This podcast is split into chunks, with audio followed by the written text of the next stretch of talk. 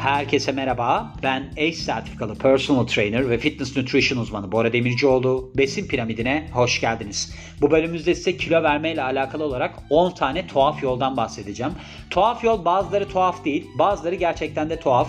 Fitness Walk'tan çeviriyorum bunu. Fitness Walk son zamanlardaki favori sistem oldu. Gerçekten iyi makaleler var onun için. Bir de şu var, ben artık tartabilecek noktadayım. Gelmişim 410 bölüme. Onun için hani ben burada söylediği şeylere aa öyle miydi, aa ben bunu da bilmiyordum filan demeyeceğim. Yani bazı noktalarda da hatta kendi alternatif planlarım var. Onlardan bahsedeceğim.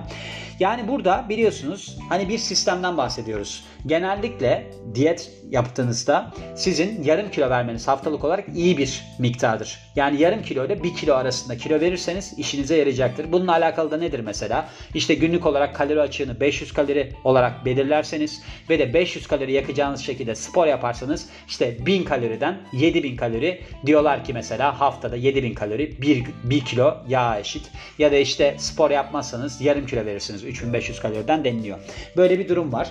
Burada da demiş ki işte biz bu yağ yakımını artırmak istiyorsak genellikle hani kalori açığı yaratmalıyız. Ama bu kalori açığını yaratmak için ne gibi yöntemlere başvurabiliriz? Bunlardan bir tanesi daha küçük tabaklarda yemek yemek. Şimdi bu çok aslında beyni kandırma yönünden olumlu bir şeydir. Sadece küçük tabaklar değil, çok hacimli şeyler tüketmeniz de işinize yarayacaktır. Bunlarda ne var mesela? Patlamış mısır. Patlamış mısır baktığınızda hani kalori olarak düşük. Kalori olarak düşük ama hacim olarak yüksek. Yani siz böyle saatlerce bir şey yiyebiliyorsunuz. Ben 50 gramlık patlamış mısır yapıyorum. 50 gramlık patlamış mısır bir böyle kocaman kaseye denk geliyor. Böyle insanı bir doyuruyor yani. Diyorsunuz ki o ben bayağı bir şey yiyorum filan. Burada da şeyden bahsetmiş. Eğer ki tabaklarınızı filan küçültürseniz daha etkili olur. Neden? Çünkü böyle bir küçük tabakta az bir yemek koyarsınız aslında bütün tabağı dolduracak bir şey yersiniz. Ya da küçük bir bardağa bir su bilmem ne bir şey su de demeyelim de sudan ne olacak yani bir şey olmaz. Ne bileyim şekerli çay yani örnek vermeniz gerekirse. Onu küçük bir bardakta içerseniz diyelim ki çay bardağında içerseniz bir bardağa işte bir tane küp şeker atarsanız büyük bir bardakta 3 tane atacaksınızdır gibi bir örnek vermiş. Ben onun yerine mesela tatlandırıcı atmanızı öneriyorum. O daha iyi olabilir. İkinci olarak daha büyük bir kahvaltı yapın. Akşam yemeği öğününüzü küçük tutun deniliyor. Şimdi geçmişe gidelim. Ben Pendik'te bir derse gidiyordum. Yani böyle benimle arasında 10-15 kilometre olan bir yerde. Neden gidiyordum buraya? Tutkun olduğum için mi? Hayır. Çünkü bazı öğretmenler vardı. Vardır hala da. Siz onun özel ders almazsanız asla sizi geçirmez. Benim gibi mesela lise yılları da ortalama hatta vasat bir öğrenci olan birisiyseniz o zaman ne olacaktır? Sizin bu ders almanız kaçınılmaz olacaktır. Neyse ben bu Pendik'e gidip gelirdim filan. Bir keresinde yolda giderken tabii o zamanlar yani 2000'ler falan böyle şeyler yok. Hani Walkman'ler falan pahalı. Oturup yandakileri dinliyorsunuz yani. Ne bileyim böyle bir işte telefondan bir şey dinleyemiyorsunuz, bir şey izleyemiyorsunuz. Öyle bir yöntem de yok. Ben de yandakileri dinliyordum. Bir kadınla bir erkek konuşuyordu. Yani yaşları bayağı da büyüktü. Adam şey diyordu. Aslında diyordu sabah kahvaltısını kral gibi yapacaksın. Akşam yemeğini dilenci gibi yiyeceksin. Ben demiştim ki aa enteresan bir şeyden bahsediyor. Şimdi burada da onu söylüyor aslında. Diyor ki sıkı bir kahvaltı yapıp akşam yemeği öğününü küçültürseniz o zaman işinize yarayacaktır. Kilo vermeniz kolay, kolay, kolaylaşacaktır. Şimdi şu var aslında evet doğru söylüyor. Şimdi siz çalışan birisiyseniz sabah kalktığınızda 7 ile 8 saatlerinde kortizol hormonu seviyeleriniz yüksek. Yani stres hormonu seviyeleriniz yüksek. Kortizolü nötralize edebilmeniz için sizin vücudunuza insülin salgılama emri vermeniz lazım. İnsülin nereden salgılanıyor? Pankreastan. Şimdi bunu salgılattığınız zaman işte bunu karbonhidratlı bir şeyle salgılatmanız gerekiyor. Ne olacaktır? İşinize yarayacaktır. Fakat Şimdi pankreastan salgılanan tek hormon insülin değil. İnsülinle beraber ne salgılanıyor? Glukagon. Peki bunların farkı ne? İnsülin aslında sizin şekeri hücreye geçiriyor. Aldığınız şekeri. Glukagon mevcut şekerinizi kullandırtıyor. Yani sizin karaciğerinizde ve kasınızda ne var? Depo glikojen var. Yani nişasta var diyelim. Uzun zincirli şeyler var. Karbonhidratlar var. Bunun kullanılabilmesi için vücut tarafından ne yapmanız lazım? Uzun süre açlık çekmeniz lazım ki bu süre en az 4 saat. Eğer ki siz sıkı bir kahvaltı yaparsanız ve aradaki öğünü açarsanız yani diyelim ki siz sabah 8'de kahvaltı yapıyorsunuz, akşam yemeğinizde 5'te yiyorsunuz, arada hiçbir şey yemiyorsunuz. Bu işe yarayacaktır. Ama siz sağlam bir kahvaltı yaptınız, arada yemek yediniz, ne bileyim öğlen yemeği yediniz, kafanıza göre azalttınız, akşamda çok az yemek yediniz. Hop aldınız toplamda atıyorum 3500 kalori. Bu bir işinize yarar mı? Hayır. İşinize yaramayacağı için buna dikkat etmeniz önemli. Yani ben sabah kahvaltımı sıkı, sıkı yapıyorum. Akşam yemeğimi de az yiyorum. Ben kilo vereyim. Hani bana kilo öyle olmaz işte.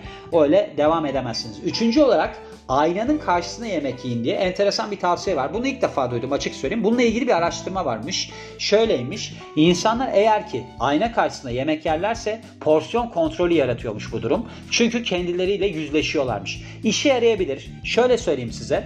Şimdi gerçekten de baktığınızda eğer ki siz diyetteyseniz ve kimse yoksa çevrenizde deli gibi yemek yiyebilirsiniz. Neden? Çünkü size böyle bir hesap soracak birisi yok. Ben de bile oluyor bazen. Ben bazen annemlerle kalıyorum. Mesela ben gece çok sıkıldığım zaman yemek yemeye başlarım. Yani genel refleksim odur benim. Yandan annem mesela der ki o Bora sen de bayağı yiyorsun falan. Böyle bir huzursuzlanıyorum. Geçmişe gittiğimde de şeyi hatırlıyorum. Ben galetaya sarmıştım. Ben böyle bir eskiden 10-15 yaşında falan deli gibi diyet yapmaya başlamıştım. Hatta anoreksik olmuştum yani. Babam bir gün hiç unutmuyorum. Ben gece bu şeyler galetalar var ya küçük Uno'nun galetaları var. Onlardan yiyordum. Babam da şey demişti. Bora sen gene yemek yemeye başladın galiba kilo alacaksın. Hemen atmıştım elimden. Ama tek başıma yediğimde mesela onlar evde olmuyordu. Ben deli gibi yemek yiyordum. Sonra pişmanlık yaşıyordum ama yemiş oluyordum. Aynanın karşısında yerseniz işe yarayabilir. Burada şey demiş işte telefonla kendinizi kaydedin sonra izleyin falan. Sonra izlemenizin bir anlamı yok. O anda işe yarayacaktır. Zaten yapılan araştırma da ayna karşısında yemek yiyen insanlarda işe yaramış. Yani böyle bir kalori kısıtlamasına gitmişler. Dördüncü olarak baharat ekleyin yemeklerinize. Burada özellikle çili biberinden filan bahsediyor. Neden? Çünkü kapsaisin denilen bir madde var biberin içerisinde. Bu metabolizmayı hızlandırıyor. Neden? Çünkü zorluyor vücudunuzu. Böyle bir sıcaklığı artırıyor falan. Neye yarayacaktır? Sizin daha az yemenize fayda sağlayacaktır. Bir de biber yediğiniz zaman böyle acı bir şey yediğiniz zaman çok yiyesiniz gelmez. Ama şu var metabolizma hızınızı yükseltiyor tamam. Bununla alakalı bir sorun yok. Ama çok fazla buna abanırsanız bu sefer ne olur? Mide yanması gibi kusurlara yol açar. Bir de şey yapar hazımsızlığa yol açar. Ben bir tane biber aldım mesela geçenlerde. Beni mahvediyordu. Ben onu yiyordum. Mahvediyordu beni. Şimdi yemiyorum artık. Mutluyum. Beşinci olarak daha az oturun, daha fazla ayakta durun denilmiş. Şimdi oturduğunuz zaman zaten sandalye mandalye sizin yükünüzü çekiyor. Yani ayakta durduğunuzda ne oluyor? Vücudunuz aslında izometrik olarak kasılmaya maruz kalıyor. Ne gibi? Plank gibi.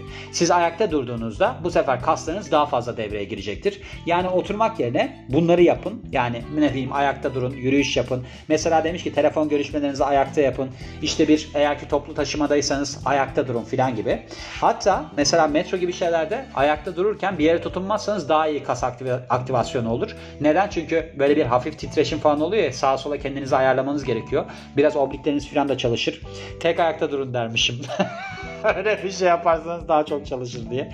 Ve eğer ki bir kafeye gidiyorsanız ayakta kahvenizi için denilmiş. Ve ardından başka bir madde sıcaklığı düşürün. Şimdi genelde biliyorsunuz insan vücudu 37 derece sıcaklıkta. Eğer ki bu sıcaklığı hani bu 37 derece korumaya çalışırken dışarıdaki sıcaklığı düşürürseniz ne olur? Aslında sizin vücudunuz daha fazla kalori yakar. Yani temeli budur bunun. Bir de şu var yapılan bir araştırma vardı. Burada bundan bahsetmiyor. Yani sadece şey demiş 19-20 derecelik sıcaklıkta kalın demiş. Ama böyle kalırsanız sürekli üşürsünüz. Günlük 2 saat 19 derece sıcaklığa maruz kalmak aslında sizin kahverengi yağ hücrelerinizin çalışmasını artırıyor. Yani oradaki dönüşümü hızlandırıyor. Normalde sizde iki tip yağ hücresi var. Beyaz, kahverengi. Kahverenginin beyazdan farkı ne? Demirinin yüksek olması. Demiri yüksek olduğu için daha hızlı yanıyor. Daha fazla enerji veriyor. Ve de yandığı için tabii ki sizin yağsızlaşmanızı sağlıyor. Mesela bir tane adam var böyle soğuk sularda falan yüzüyor. Buz adam diye geçiyor. Şimdi ismini unuttum.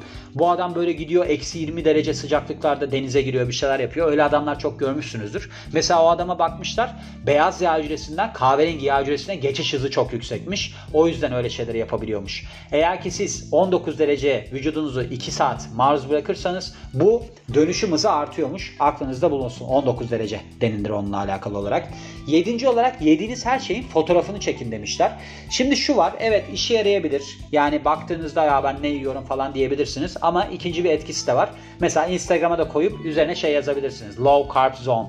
Neden low carb zone yazabilirsiniz? Çünkü siz temelde düşük karbonhidrat içeren bir şey tüketiyorsunuzdur ve genelde kafasında insanların şu var. Eğer ki düşük karbonhidrat tüketiyorsam kilo vereceğim arkadaş. Başka kaçarı yok bunun. Ben çok gördüm öyle. Mesela eşek kadar dana eti koymuş oraya. Üstüne de yazmış ki low carb zone. İşte diet mayet bir şeyler.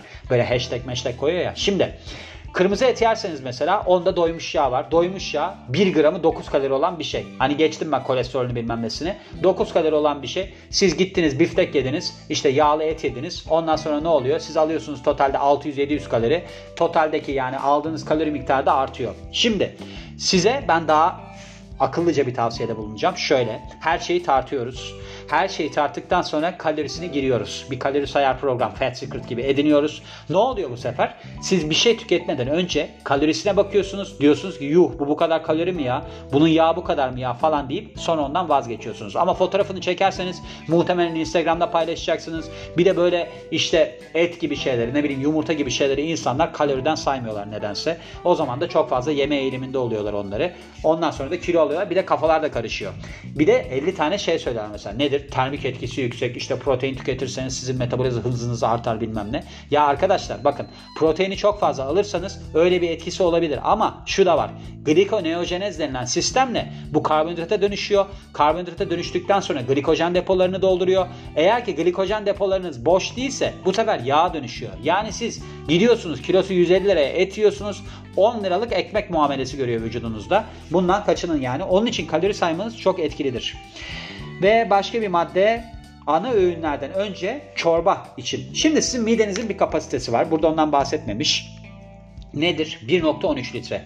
1.13 litre mide kapasitesi olduğu için ve siz midenizi bazı şeylerle doldurursanız bu sizi tok tutacağı için işe yarayabilir. Şöyle Mide içerisinde duvar diyebilirim yani. Stretch reseptörler yani esneme reseptörleri var. Mide duvarının çevresini saran. Bu nedir? Sizin besini aldığınız zaman dokunuyor Beyninize diyor ki ben tokum daha fazla yeme. O zaman da siz daha az yiyorsunuz. Yani sizin midenizi doldurmanız önemli. Bakın mide küçülmesi diye bir şey yok. Ben bunu daha önceki bölümlerde anlattım size. Sadece hormonal denge değişiyor. Mesela grelin var açlık hormonu, leptin var topluk hormonu. Grelin seviyelerini düşürmeye başlarsanız açlığınız azalacaktır. Leptin de yağ dokusundan salgılanıyor. Siz bunu ayarını tutturursanız bir noktadan sonra kilo vermeye başlarsınız. O yüzden siz eğer ki çorba falan gibi bir şeylerle başlarsanız öğününüze mideniz dolacaktır. O zaman da ne olacaktır? Aslında sizin daha az yemenize olanak tanır bu durum.